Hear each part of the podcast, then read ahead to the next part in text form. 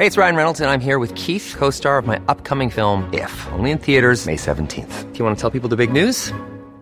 All right, I'll do. Sign up now and you'll get unlimited for $15 a month in six months of Paramount Plus Essential Plan on us. Mintmobile.com slash switch. Upfront payment of $45 equivalent to $15 per month. Unlimited over 40 gigabytes per month. Face lower speeds. Videos at 480p. Active Mint customers by 531.24 get six months of Paramount Plus Essential Plan. Auto renews after six months. Offer ends May 31st, 2024. Separate Paramount Plus registration required. Terms and conditions apply if rated PG.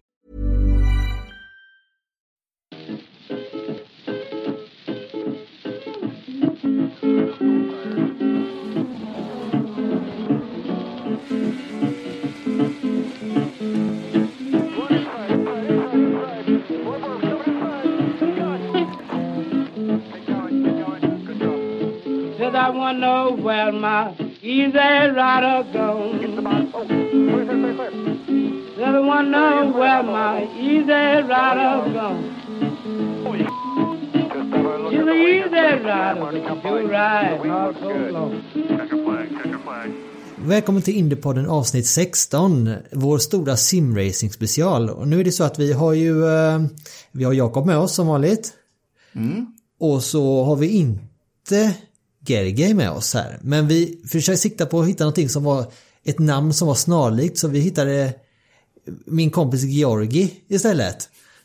Och det är inte vilken kille som helst utan det är en fullfjädrad simracer teamchef för Go Team Racing som, tänkte, som vi tänkte ha som vår expert i dagens avsnitt. Välkommen Georgi Nedev till Indiepodden. Tack så mycket, tack att ni har mig här. Hur, eh, hur har du upplevt det nu i, eh, i dessa tider ur, för simracing? För dig har ju varit någonting som du har på med i, i många år men har du, har du själv känt av den här utvecklingen som har blivit nu att det är fler som har upptäckt simracing? Ja, det skulle jag säga att det är så. Eh, sena årsskiftet kanske och nu med den där pandemin runt om oss så eh, har vi sett jättemånga eh, nya tävlingar med eh, stora prispottar. Vi har sett extremt många eh, riktiga eh, förare från racingvärlden köpa riggar, till och med Fettel läste jag häromdagen. Eh, men även innan så att säga pandemin kom så såg man att eh, antalet förare och de som höll på med simracing ökade hela tiden. Så både kvalitet och kvantitet har ökat skulle jag säga. Vi har ju en hel del lyssnarfrågor idag eh, om just hur man kommer igång med, med eh, det här och hur man kan ta det till nästa nivå om man redan har börjat med det till exempel. Vi borde prata liksom eh, tek, det tekniska men också liksom hur man kommer in i ligor och kunna köra och sådär. Så att, men vi vi ska försöka mjölka det på så mycket information vi bara kan här. Eh, men först kan du inte berätta, berätta om, dig själv för lyssnarna och eh, om Go Team Racing och er, er verksamhet. För ni har, ju, ni har ju hållit på i ett antal år nu och är verkligen seriösa. Ja, det är så här att vi faktiskt fyllde tre år eh, förra veckan, 17 april. Eh, då för tre år sedan jag och en kompis startade då Eh, denna verksamhet Go Team Racing. Ehm, då var tanken att skaffa en riktigt seriös simracing-svensk eh, lag eh, och utmana både på nationell nivå men så småningom internationellt. Då såg vi ingen stor namn som var känd. Så vi tänkte, ja men då går vi. Då kör vi och skaffar den istället. Och eh, sen dess har vi har hänt väldigt mycket för oss. Ehm, vi är för närvarande 15-16 förare eh, på iRacing och R-Factor 2. Det är de två simulatorer vi, vi tävlar i. En bra blandning mellan svenska förare men även andra skandinaviska och europeiska förare för tillfället. Eh, det har varit en jätteresa att komma hit. Eh, och du Ronny kanske också har lite koll på det för du, du var med och hjälpte till att starta upp detta från början. Ja, det var ju lite, det var lite speciellt där för jag vi har ju pratat om det ganska mycket simracing nu de här senaste veckorna och vill verkligen inte få fram någon så här eh, fel bild om att jag skulle vara duktig på något sätt utan jag fick, jag fick ju möjlighet att vara med där. Vi träffades ju inom gokarten du och jag Georgi och, fick, och eh, du frågade om jag ville hänga på det för jag sa att jag var intresserad av att lära mig. Så, men jag kan väl säga att jag kom väl igång där lite och vi, hjälpte, vi styrde upp det lite rent eh, visuellt lite marknadsföringsmässigt och jag fick vara med lite på den resan och så men sen därifrån till, för jag höll inte på så länge då, utan så den resan ni har gjort fram tills idag är ju anmärkningsvärd eh, brant i utvecklingen och det är verkligen kul att ha, att ha följt er. Och du har dessutom, du är med på, varit med på SM och körde förra året va? På SM-veckan? Ja, vi hade förra året på SM-veckan, eh, jag och en förare till, som han blev sjuk tyvärr just den veckan. Och sen var vi också tvåförare på eh, Porsche e-sport Scandinavia Carrera Cup då i november förra året. Eh, som var också väldigt kul. Ehm, så att, ja, så är det. Ja, så det var lite mer om oss och ehm, som sagt, vi, vi tävlar på iRacing World Factor 2. Framförallt långlopp kör vi. Nu kommer det 24 timmars Le Mans om en månad eh, i LMP2 och GT-klassen Eh, vi kör väldigt mycket Porsche 911 Cup-bilen på iRacing-sidan.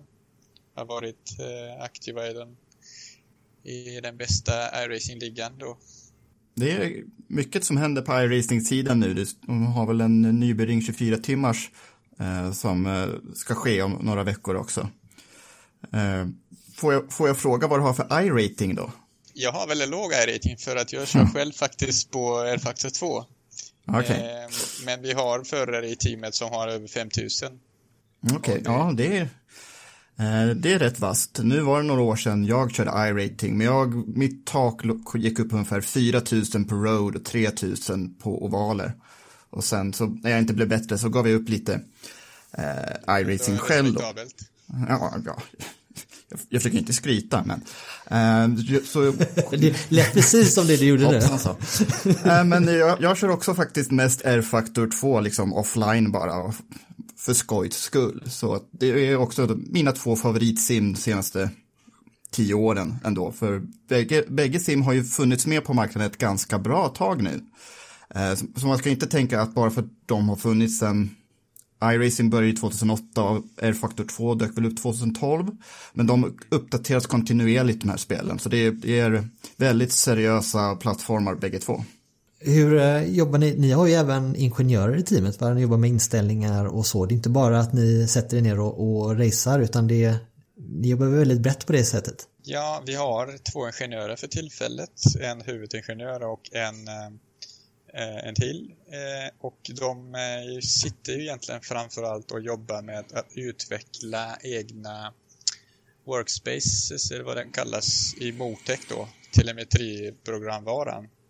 Så att det, det de gör är att de utvecklar då specifika egna kanaler som till exempel eh, studerar på eh, förarens inputs, till exempel hur, hur mjuk han är, liksom hur eh, eh, hur aggressiv han är och alla dessa då ger indikationer vad man kan förbättra eller jämföra mellan olika förare i samma bil då. Eh, de också håller i webbinarier för oss, för teammedlemmar där sist vi hade ehm, eh, en timme om ehm, dämpare. Eh, hur man ska tänka, vad de gör, vad de inte gör och också visade i våra egna då eh, Motec eh, arbetsböcker eh, eh, vad vi ska titta och, och kolla efter. Vi är ju många förare, vi har många tävlingsbilar så de hinner ju inte så att säga vara med 100% och hjälpa till utan de är mer som bollplank och, och, och stöttar med dessa saker. Jag vet inte Jakob, det känns som att vi har hittat en jackpot här nu med att vi har fått Georg med i, ja. i podden. Herregud. Det är en helt annan nivå än liksom man kan göra på en timme när man kommer hem och vill slappna av efter jobbet. Så man kan ju verkligen maxa ut sin simracing-ambition. Det finns inget tak. Ifall man kom, om man ansluter sådana här team och nätverk. Så det, är en stor värde här. Vi har ju, ska vi gå till eh, lyssnarfrågorna? Mm, vi kan dra igenom ett uh, gäng då. Egentligen det vanligaste som jag har fått in, som jag ser också liksom allmänt på sociala medier, det är egentligen hur mycket det kostar. Eh, det finns inget tak, men vi får fråga om, om 6 till 10 000, borde det funka som start? Vad tror ni? Ja, om jag kan börja svara då. Ehm, absolut. Eh, det, det, det är klart det beror på vad man inkluderar i de pengarna. Är det liksom, om man, om man har redan en dator eller en TV, de också kan liksom kopplas och användas Eh, på sitt sätt. Eh, men om jag skulle rekommendera någonting, börja smått, börja med någonting instegsvariant eh, som inte kostar skjortan så att ni får känsla. Är det kul? Är det någonting ni verkligen vill utvecklas inom eller eh, ni tappar lusten? Eh, jag ser så många eh, typ sälja sina 20 eller 30 tusen eh, dyra simriggar med allt det bästa i världen efter sex månader för då har han blivit trötta på det. Det, det tycker jag inte är något bra. Eh, mm. Eh, antingen för, för en själv eller miljön utan börja smått. En, till exempel en Logitech G29 räcker väldigt, väldigt långt. Jag mm. själv faktiskt till och med, även om jag tävlar på eh, toppnivå, jag kör fortfarande med min egen. Faktiskt tre år gammal. Funkar klockrent. Man behöver inte ha den dyraste utrustningen för att vara i topp. Nej. Mm.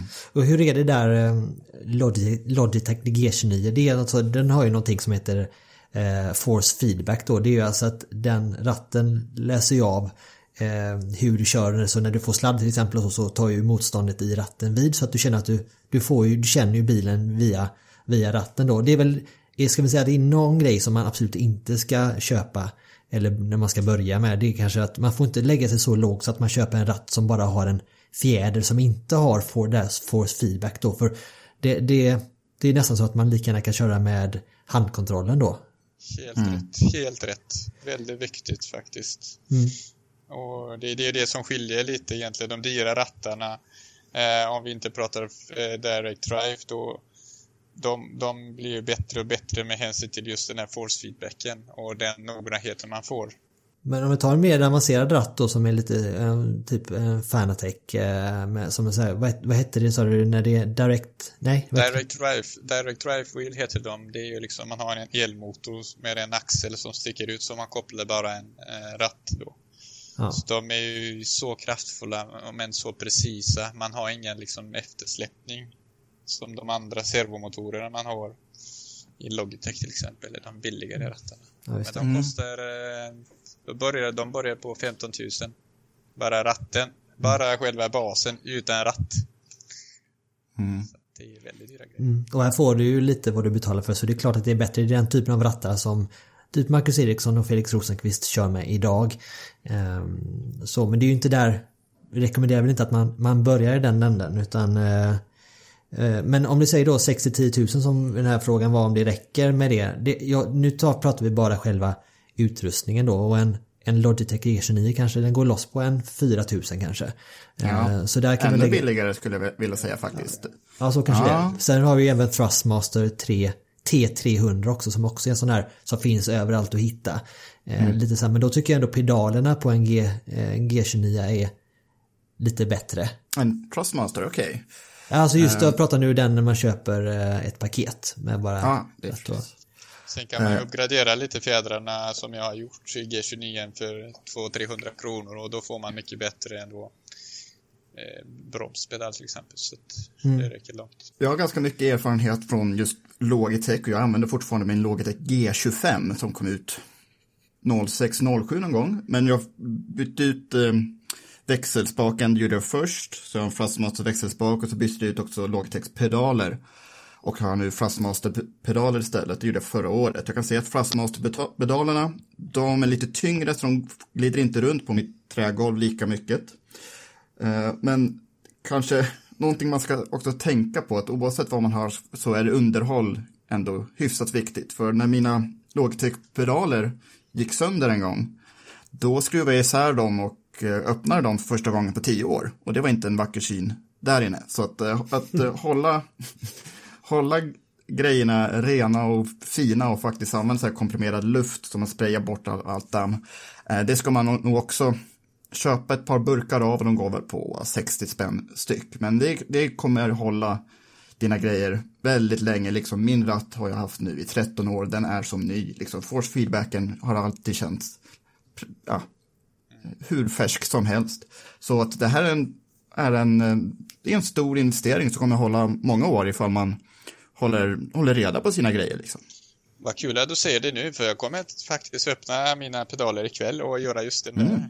Att rensa dem, för de har börjat eh, igår. Vi körde på Le Mans i helgen. Och så på kvalet var jag två sekunder, två halv sekunder långsammare än min bästa. Och det var anledningen att jag hade lite problem. Så att de ska öppnas och rensas så blir de som nya sen. Det kanske, mm, därför jag, det kanske är därför jag är så långsam. att du råkar, ligga, att du råkar bromsa på, ja. på men, men, det måste, men det måste ha legat damm där redan när jag köpte pedalerna för att det har varit så ända sedan jag började. Mm, ja. Det kanske bara är det då, vad tror du Georgi? Alltså egentligen så är man inte försäkrat mot sådana problem oavsett även om det, även om det är Fanatex. Så länge man har just den där tekniken, alltså potentiometrar. Ja. Så, så blir det sådana dammproblem som kommer förr eller senare. Ja, men om, det var ju då, vi kommer ju återkomma till, vi kommer att prata lite mer eh, pedaler lite senare också, men eh, när vi pratar om hur man ska ha en dator eller en spelkonsol, Xbox eller Playstation 4, så vad, vad, vilken ände man ska börja i. En fråga här är ju så funkar en vanlig PS4 eller behöver man en PS4 Pro till exempel? Det är lite, Pro-versionen är ju lite kraftfullare så du kan spela upp eh, med lite kraftigare grafik och så till exempel. Men jag vet ju att du eh, Georgi, precis som jag, började ju med eh, konsol. Det stämmer faktiskt. Jag började på PS3 och Gran Turismo 5 för eh, vad var det, 7-8 år sedan och då var det GT Academy som var aktuell. Sen bytte jag till PS4 och nästa Gran Turismo. Och det var den vanliga. Ehm, sen har jag bytt till dator då för eh, tre år sedan. Så jag har inte stenkoll på, på just konsolsidan. Men jag skulle tro eh, att det funkar med vanlig PS4 för de spelen är ju utvecklade för PS4. Den enda skillnaden är förmodligen att typ Roma har lite bättre grafik och kanske kan köra VR utan ja, i, online. Det får du nästan eh, komplettera här, Ronny. Jag har inte stenkoll eh, på det senaste som händer på konsolsidan, tyvärr. Nej, men eh, just om man tittar på att köra med VR, eh, också någonting vi återkommer eh, till snart. För jag vet ju att du kör med VR. Ehm, men om vi, det går ju att köra med VR på till exempel den Grand Turismo Sport då på Playstation 4. Däremot så går det inte att spela i, i online-läge där med flera spelare utan där får du köra själv helt enkelt och försöka sätta så bra tider som möjligt. Och det är ju en, det är jättekul så sett. Men eh, det är ju om du vill köra VR så är det ju dator som gäller. Och då behöver du en liten, ett kraftigare grafikkort och så, så men annars så är ju du kan ju klara dig undan med ganska basic dator också. Modern men mer basic för att om du vill komma igång för man kan ställa in på en dator kan du till exempel i iRacing ställa in grafikinställningar så du kan dra ner på allting. Så det blir ju lite sämre grafik men du har ju samtidigt en, eh, du kan fortfarande köra liksom. Exakt så är det ja. Mm. Men Precis. kort och gott kan man väl säga så att det är väl om man är ute efter att komma in i detta och se om man tycker det är kul. Så att en Logitech G29-ratt till exempel och pedaler och så köpa sig en begagnad Playstation 4 då är du liksom, kan du vara igång ikväll och köra liksom. För det är ju bara plug and play egentligen. Och sen, ja, man behöver en stol då och någonting att fästa i ratten i såklart. Ehm, men det kan man, eh, det finns ju massa hitta på grejer som folk gör hela tiden. Ja. Köra från soffan eller vad, vad som helst. Mm. Alltså det behöver inte vara så märkvärdigt. Alltså Felix Rosenqvist fram till för ett halvår sedan så hade han ju precis så ratten fast i skrivbordet och så pedalerna på golvet.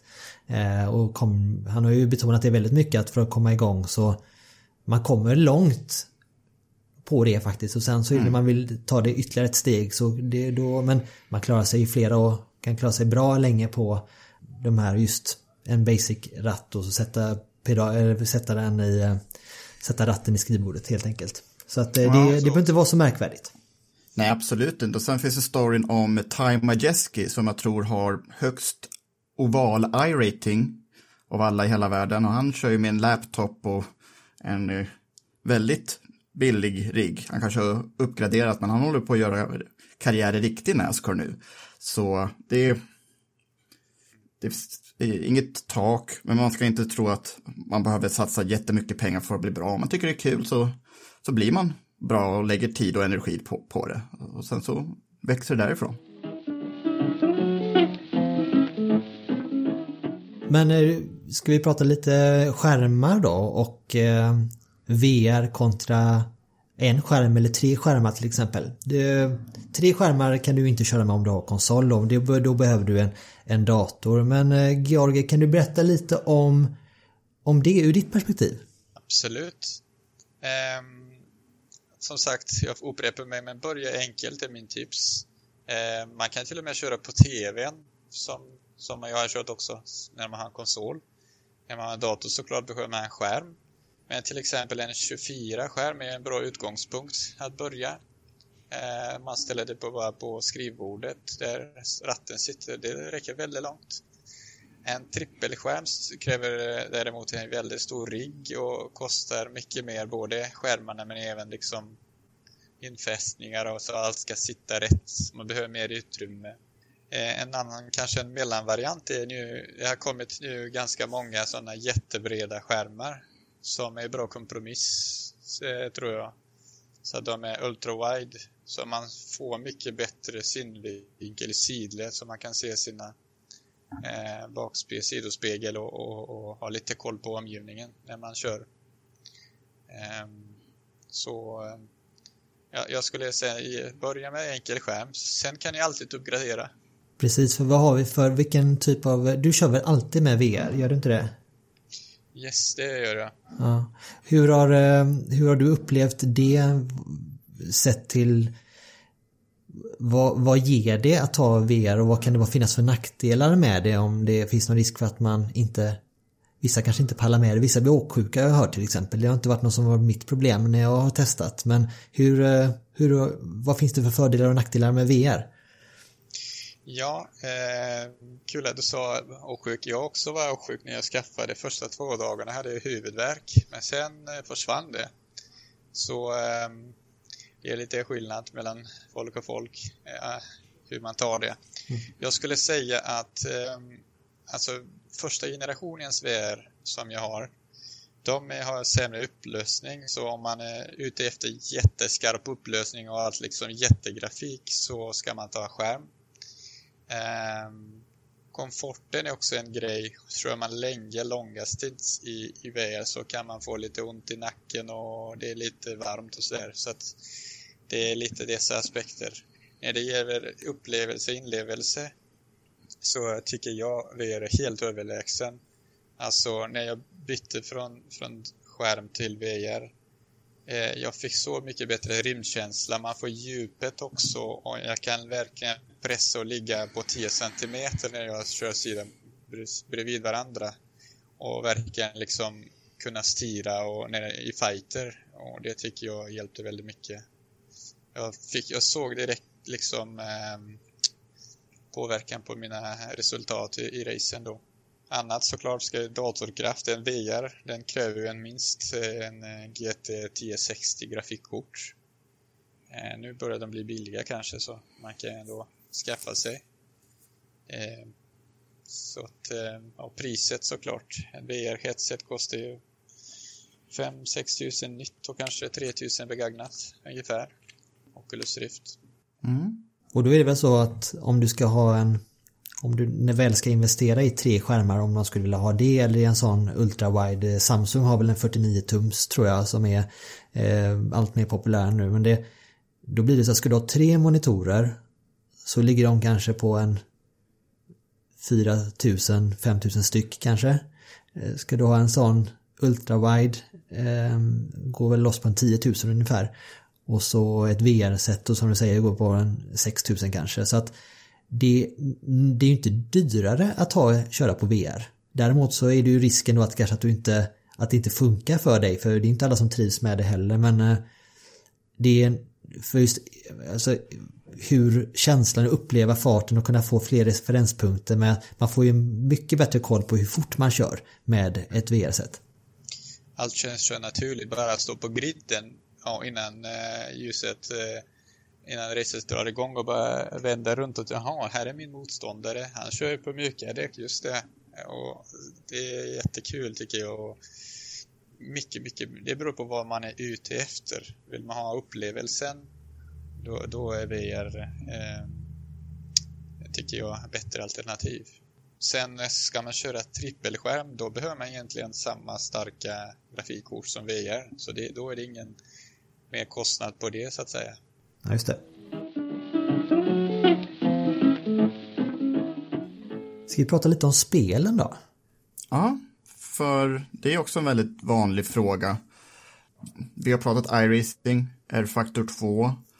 Eh, kontra det jämfört med F1 2019 så Alltså iRacing och R-Factor 2 är de mest realistiska. Eh, de, de är hardcore-simulatorer. Men sen så finns F1 2019. Alltså man kan inte gå fel med, med, med det. Om man vill köra moderna F1-bilar, självklart går det an. Och det är en bra inkörsport till simracing-världen, tror jag. Men eh, ja, jag vet inte om jag skulle rekommendera det så mycket eftersom det kommer F1 2020 om ett par månader. Och eh, ja, det blir liksom det blir dyrt i längden ifall man ska ha det senaste F1-spelet medan R-Factor 2 eh, blir ganska billigt att köpa på Steam. Kostar 30 euro och sen lite DLCs på det, men det, det, är inte, det är inte jättestora pengar på mjukvara om man satsar på R-Factor 2 till exempel. Eh, iRacing är ju en prenumeration, så det kostar ju alltifrån 13 dollar i månaden. Men om man, har en, om man bokar för liksom ett år framåt så blir det väl, ja, nu får ni gärna rätta mig, men man kan få en mycket billigare till, till mindre än halva det priset per månad då. Så liksom, för den som bara vill sätta igång med någonting, ja, R-Factor 2, den körupplevelsen också, det är min favorit. Ja, man får ju göra en distinktion här mellan så kallad eh, simspel och eh, Simcade finns en hybrid då kan man säga mellan ett mm. tv-spelsversionen och så har du ena änden och så har du eh, verkligen simulatorracing som iRacing i andra spektrat. Så har vi några exempel på just Simcade-varianter. Eh, Grant, eh, Grant Turismo Sport till exempel är ju en sån. Skulle man räkna Project Cars till exempel, eller Project Cars 2 till den kategorin eller är det som Assetto Corsa till exempel som också finns till spelkonsoler som, eh, som kan räknas som simulatorer. Vad säger du? Eh, det är lite olika åsikter såklart. Eh, jag skulle säga att Project Cars 2 är också en nog simcade vad jag har hört. Jag har inte själv provat. Project Cars 1 har jag kört mycket och det, det är ju simcade är det väl. Um, Race Room Racing Experience är simcade men det är lite mer åt simhållet så att säga. De, de blir bättre och bättre och introducerar mer eh, riktiga aspekter då. Så att eh, det rör sig åt det hållet i alla fall. Eh, sen att återkomma till frågan, är det okej okay, liksom börja med Formel 1? Jag tycker ändå det är ganska okej okay grund har man en eh, konsol att skaffa sig och prova racingen. Bara man ser eh, om det är kul, lära sig grunderna. Eh, jag menar, man kan lära sig banor och lite hur man ska köra, kurvteknik och hur man ska bromsa och styra. Så allt det där är ju värt sen. Jag har också sett väldigt många eh, förare komma till iRacing och R-Factor från F, just F1-spelen så att de blir duktiga där och ser att okej, okay, den där, jag har blivit så bra att jag är inte nöjd riktigt med själva fysiken och hur mycket är det simulerat. Så de går vidare då till Hardcore Simpson som, som är faktor och är racing är. Så att, eh, jag skulle säga att det är ändå bra att testa där och, och, och känna på det. Men frågan är då vilka som de, alla de här spelen då om man skulle dra alla över en kam så erbjuder de ju olika typer av så daily races eller dagliga race då som du kan bara, mm. du kan bara logga på och köra. Eh, till exempel vissa har ju satsat mer på det och andra lite mindre. Eh, för, att för att göra det lätt för folk att komma in i det och så men eh, om man, om man skulle vilja, om man kommer steget längre sen då, för det, det kan ju bli lite, ibland bli lite stökigt i de serierna. Det, det är inte så, man kan lätt bli påkörd, det är inte så, så disciplinerat om man säger så. Eh, och framförallt kanske när du kommer igång från för, allra första början med det är många nybörjare som kör samtidigt och så. Men när du väl kommer upp lite i rating och du kör mot bättre förare så kanske man vill ta steget vidare till att köra med en community eller en liga till exempel. Eh, har du några exempel där på svenska eller nordiska eller ja, internationella ligor också som, man, som det är lätt att joina för att komma in i det? Jag, eh, jag tror att det finns säkert jättemånga ligor och communities där ute eh, nu för tiden. Alltså alla Sims har ju sina och det bara växer och växer. Eh, tyvärr har jag kanske inte stenkoll på konsolsidan men jag skulle gissa att det är mycket enklare att komma in och hitta någonting som passar både tidsmässigt och intressemässigt. Och den känslan att resa i community är jättebra. Då vet man liksom vilka är med. Man börjar liksom tjäna hur andra förarna kör och hur nära kan man köra och ta fightas med dem. Eh, istället för att hoppa in i en online-lobby utan att liksom veta vem nivån och det kan, det kan sluta till bli väldigt mycket frustration istället. Eh, så att jag har tyvärr bara koll på R-Racing och Factor 2. Det är våran huvudverksamhet så att säga.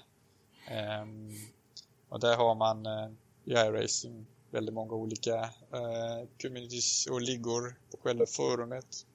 R-faktor 2 är nästan det är uteslutande ligor. Så det är det som jag tycker jag själv i alla fall är bra att uh, då vet man mot vilka man kör och vad man kan förvänta sig. Hur håller ni kontakt med varandra? Är det via den här Discord-tjänsten där man håller kontakten och chattar och under loppen och så eller funkar, mm. kör man det in-game? Nej, eh, vi kör Discord, vi har vår egen server med olika kanaler text och, och då ljudkanaler. Så när vi har när vi har typ tränar inför något race så kör vi och pratar där och under racet också. Så att det är Discord som gäller, det är riktigt. Som du säger, det finns ju hur många ligor och communities att välja mellan som, eh, som helst såklart. Men skulle du reko hur rekommenderar du att man hittar dem? Är det, ska man gå in på iRacings forum eller ska man söka på det, på, bara googla det eller hur är det bästa sättet att komma i kontakt med de här ligorna och fråga om man kan få vara med? Ehm, jag skulle kanske först eh, fråga runt kompisar eller bekanta eller ställa någon fråga. Det finns ju i Facebook eh, olika för simracing hårdvara eller bland annat där man kan ställa lite och få lite feedback på vilka ligor är seriösa och bra och vilka kanske inte är så passande. Eh, sen kan man såklart bläddra i söka i racingforumet hitta någonting eh, som en Club Scandinavia till exempel. Eh, vi hade mycket Swedish Air Racing League. Eh, nu, nu har de ingen säsong igång det kanske kommer så småningom. Det var en bra, bra skött liga och med hög kvalitet. När det gäller R-Faktor 2 så så har man eh, Grove, som det heter, alltså Göteborgs Internet, Internet Racing League, eh, som är också en schysstliga eh, att joina bra community. Eh, så det finns ju en del, men fråga runt, eh, fråga, chatta eller googla och hitta någonting. Sen kan man ju alltid backa och hitta något annat som passar bättre såklart. Jag kan fråga oss också. Eh, själv är jag med i två olika ligor. Ena heter Historic Sim Racing Organization. Där kör vi R-Factor 2. Då kör vi Retro Race. Mycket touring cars från 80-tal, en del gamla sportvagnar och Formel 1. Sen är jag med i någonting som heter International Sim Racing Organization. Väldigt liknande namn, jag vet.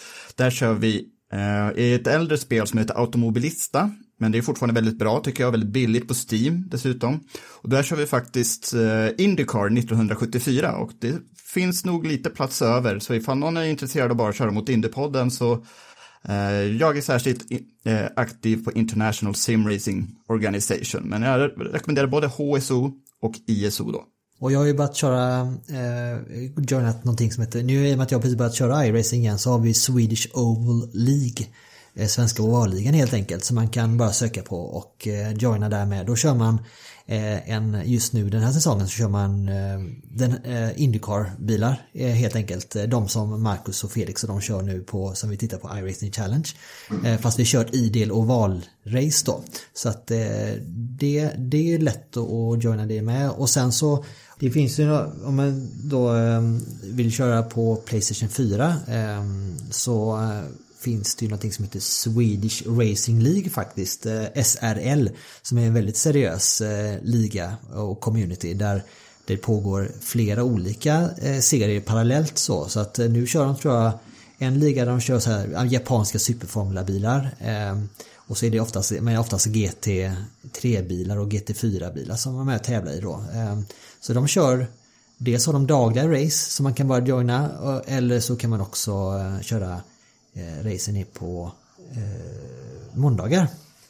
Mm. Så ligorna pågår hela tiden där. Så de är inne på GT3-serien så är de inne på den trettonde säsongen nu liksom. Och det, efter det så är det någon vecka, ett par veckors uppehåll och sen så drar de igång säsong 14. Sådär. Så att Swedish Racing League, ni kan gå in på eh, grandturismosport.se där och eh, gå med i forumet där och communityt där. Så det är också ett, där, där har de en väldigt hög nivå också då på de allra bästa men du kan kliva in där på med lite erfarenhet bara och kört lite så kommer man kunna snabbt komma in i det och, och fightas längst bak.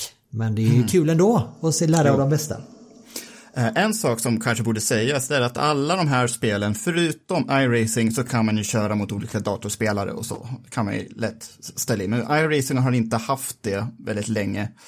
För att de, de har fokuset på realistisk online, online racing. Nu har de börjat introducera eh, AI på, med vissa bilar på vissa banor, men inte alls lika utökat som där i Air Factor eller Race Room eller Assetto Corsa. Där kan man ju köra mot datorspelare när helst man vill, bara få en kick på det sättet. Och det är faktiskt det jag gör oftast ändå när jag sätter mig eh, bakom ratten, bakom datorn. Att jag vill köra DTM-säsongen 1992. Jag älskar de bilarna. Från.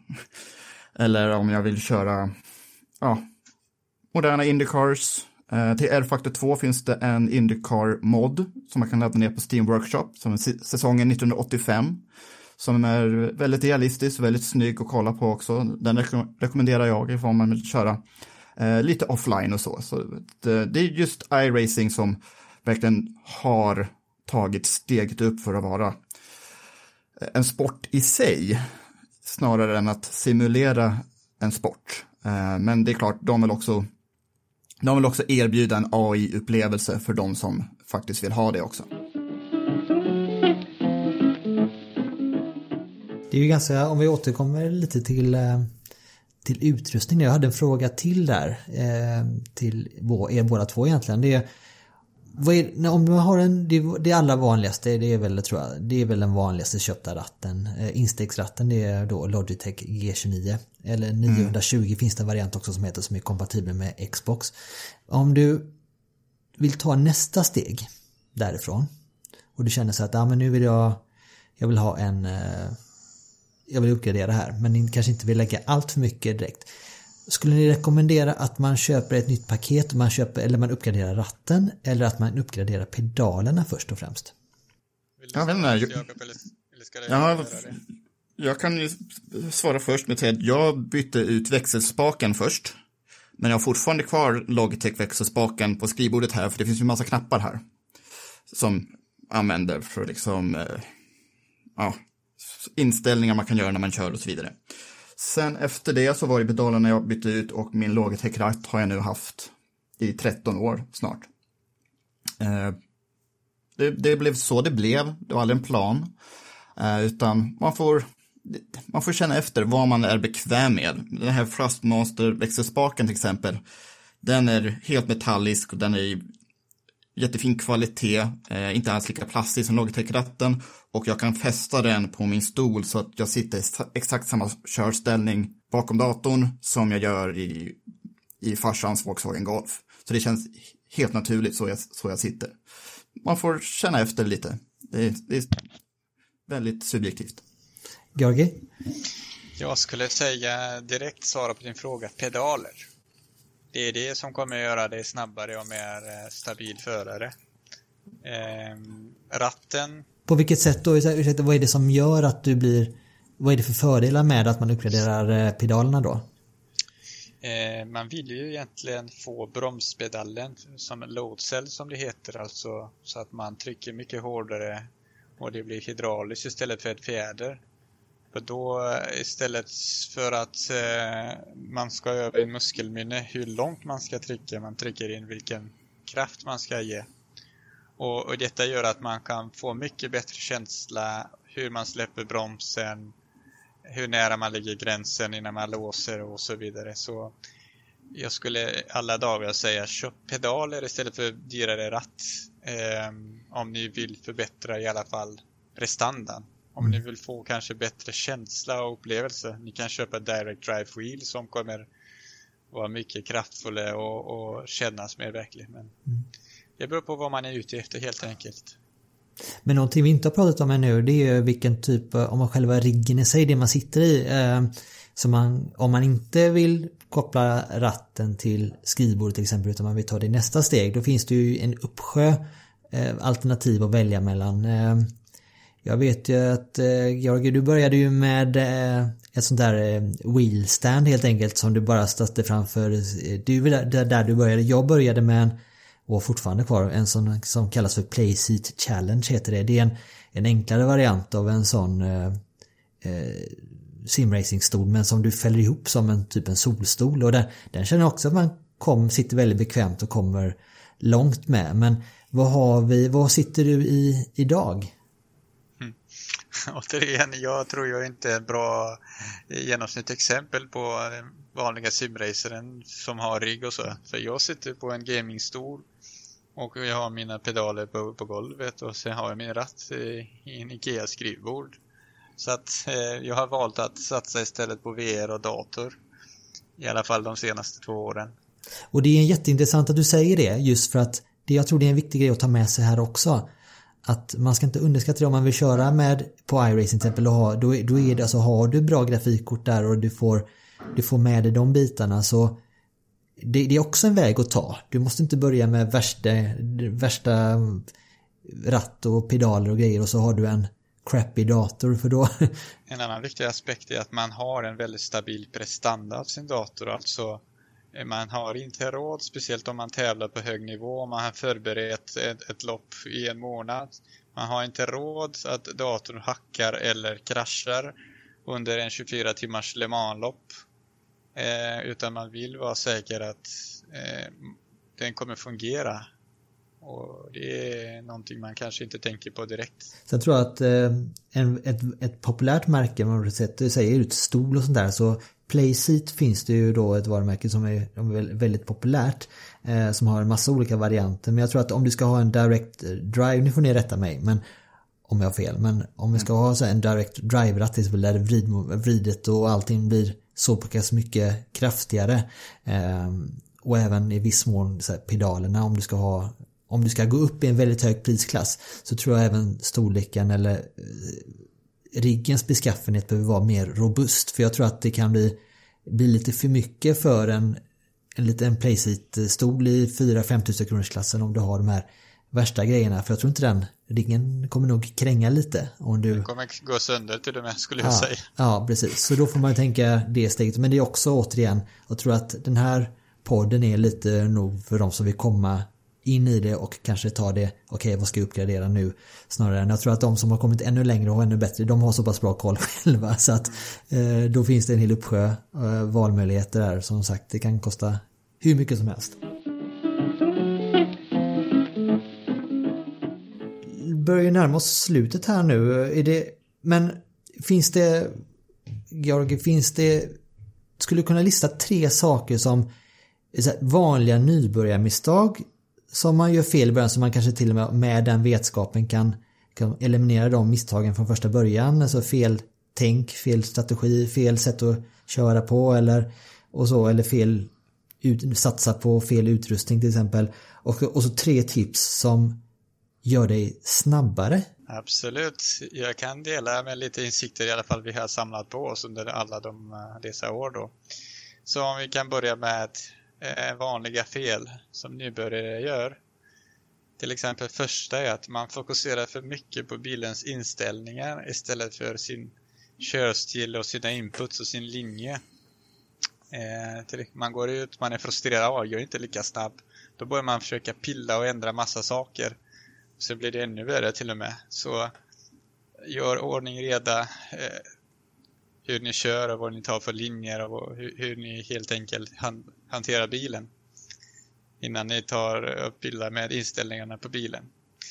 Den andra eh, som jag ser också ibland är att folk försöker vara överallt och bli bra på allt. Alla banor och alla bildklaser.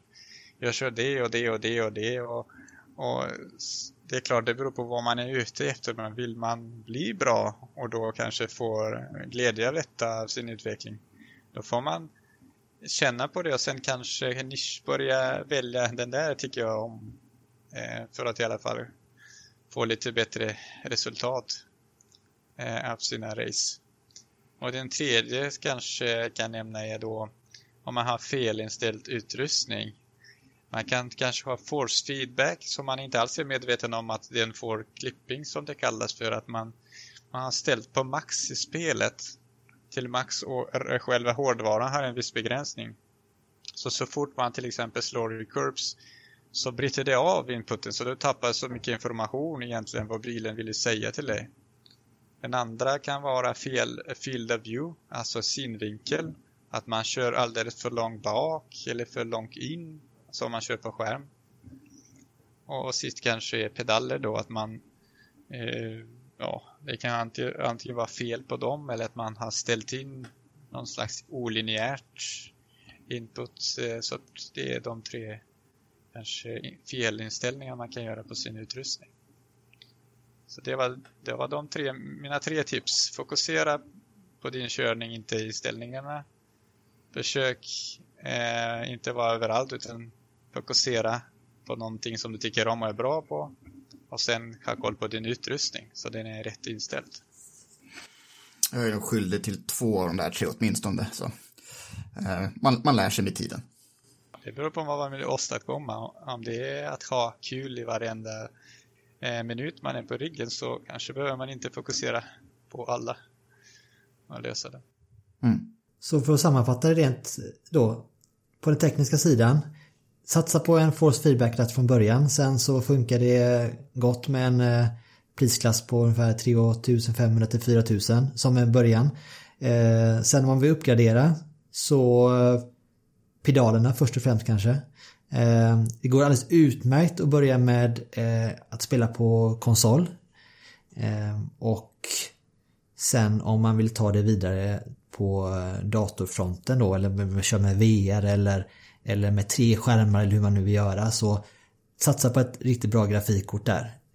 Det är inte så också att om du har en laptop till exempel då är inte den uppgraderingsbar så som ett, en stationär dator är och det kan vara bättre fläktar också i en stationär dator vilket gör att du kan få Alltså du har ju möjlighet att byta ut komponenter i en sån på och kanske växa med även med mm. datorn på, på sikt. Det stämmer inte det också? Jo, det är så jag har gjort. Så.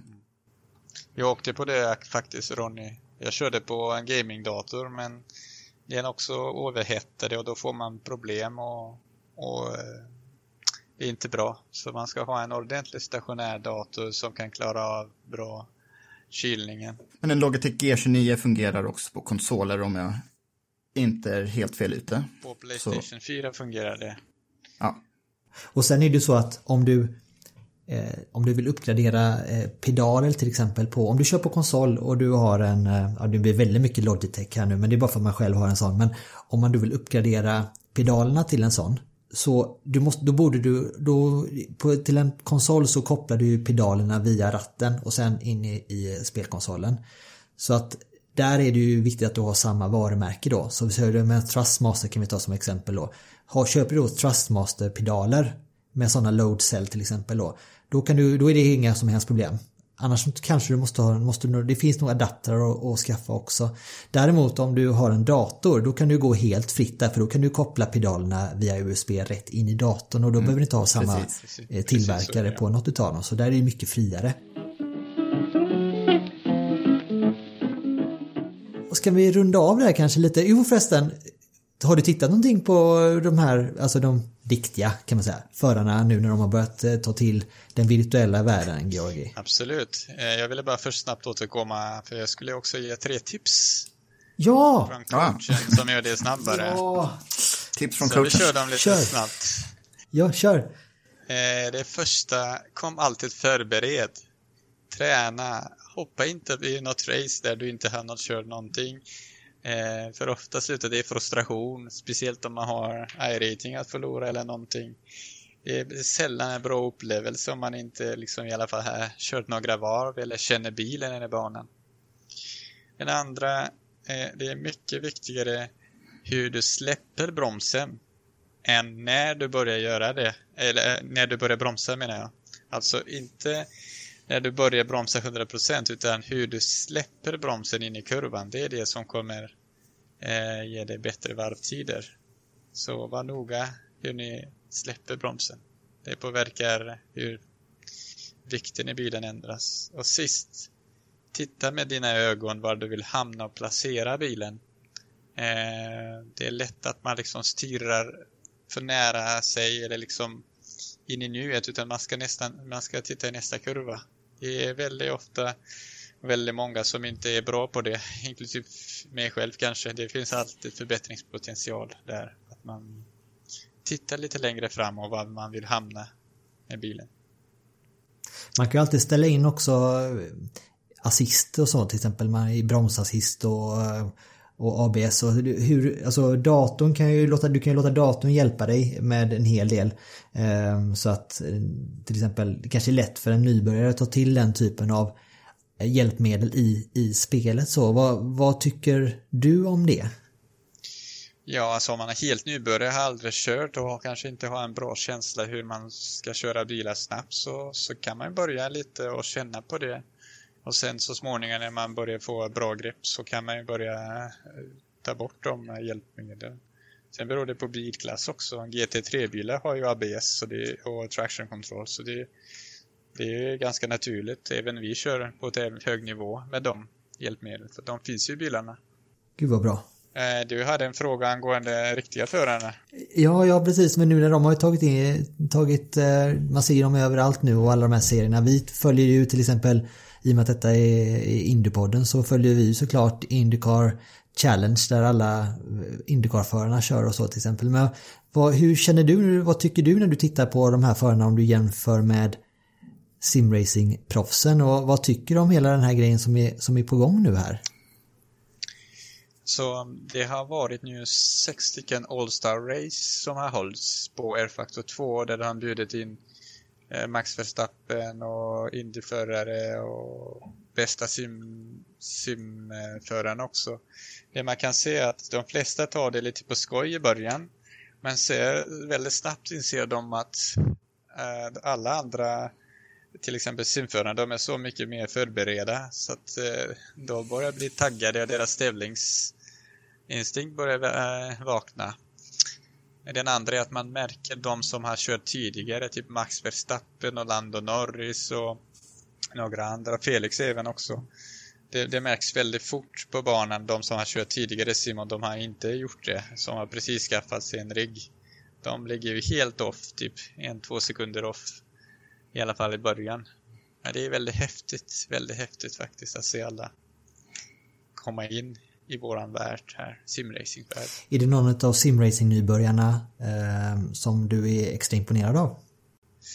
Eh, ja, ska, lite kliché, men kanske Felix Rosenqvist. Han, eh, han verkar ju köra bra oavsett vart han är, så att eh, jag tycker om honom personligen. Så eh, han gjorde bra ifrån sig de racen han var med på just de där All-Star-racen. Eh, och på andra sidan Montoya var inte tyvärr kanske på sin topp. Eh, och, så att det, det är väldigt varierande, varierande. Men det är kul att se som du säger att det har inte tagit många veckor för att de har börjat bli riktigt seriösa och ta det på allvar. Och eh, hornen växer ut ganska snabbt på dem. Det, det, tycker jag är väldigt roligt att se för det, blir, det tillför en extra krydda också när man väl tittar på de här racen för det blir, nivån höjs mer och mer. Och eh, ja, men det är kul. Det är spännande tider vi är inne i nu trots allt. Trots alla tråkigheter. Mm. Exakt. Ja. Så, men nu, eh, nu är vi uppe i en, en timme. Ja, det är jättekul att ha dig med Jörgi. Eh, vi kanske i fortsättning, ska man inte, man kan aldrig säga aldrig. Det kommer säkert rinna in en hel del följdfrågor på det här.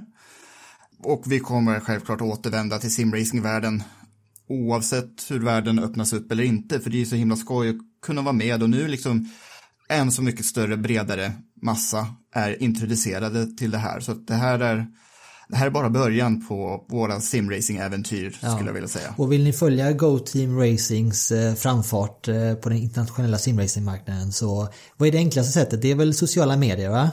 Ja, det är sociala medier. Sen kan man gå in på vår webbsida, goteamracing.com där vi har till exempel de som är nyfikna lagt ut lite våran berättelse och liksom sammanfattning på de tre gångna åren.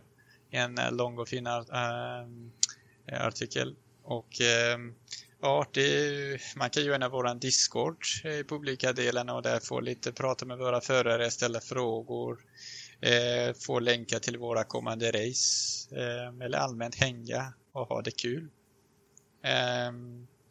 Den länken hittar man på vår webbsida. Eh, eh, uppe till höger finns det Discord då, där man kommer in. Ja, allmänt, det, jag vill tacka er så mycket för möjligheten att bidra med det vi kan. Jag har att säga och eh, önskar er all lycka till framöver till Indiepodden. Tack detsamma. Tack detsamma. Tack detsamma. Tack detsamma. Och eh, tack också till vår eh, samarbetspartner Outlook Motor och Sport och eh, det här avsnittet kommer faktiskt ligga i eh, som, ett, eh, som en del i, eh, i eh, ett kommande avsnitt av Bilpodden så vill ni eh, passa på att lyssna på den podcasten också Automotor och Sports Bilpodden. Den är också en riktig höjdare för er som vill få en inblick i motorbranschen i, i övrigt. Eh, väldigt trevlig liten podd med, eller stor podd. Vad säger man Jakob? Grym podd. Trevlig podd, grym podd. Ja, det är bra.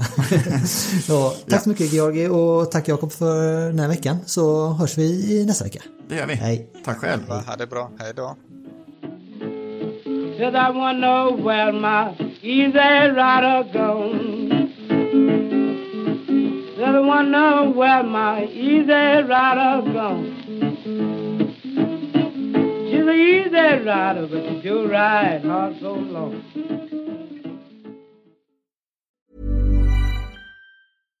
Hi, I'm Daniel, founder of Pretty Litter. Cats and cat owners deserve better than any old-fashioned litter. That's why I teamed up with scientists and veterinarians to create Pretty Litter. Its innovative crystal formula has superior odor control and weighs up to 80% less than clay litter. Pretty Litter even monitors health by changing colors to help detect early signs of potential illness. It's the world's smartest kitty litter. Go to prettylitter.com and use code ACAST for 20% off your first order and a free cat toy. Terms and conditions apply. See site for details.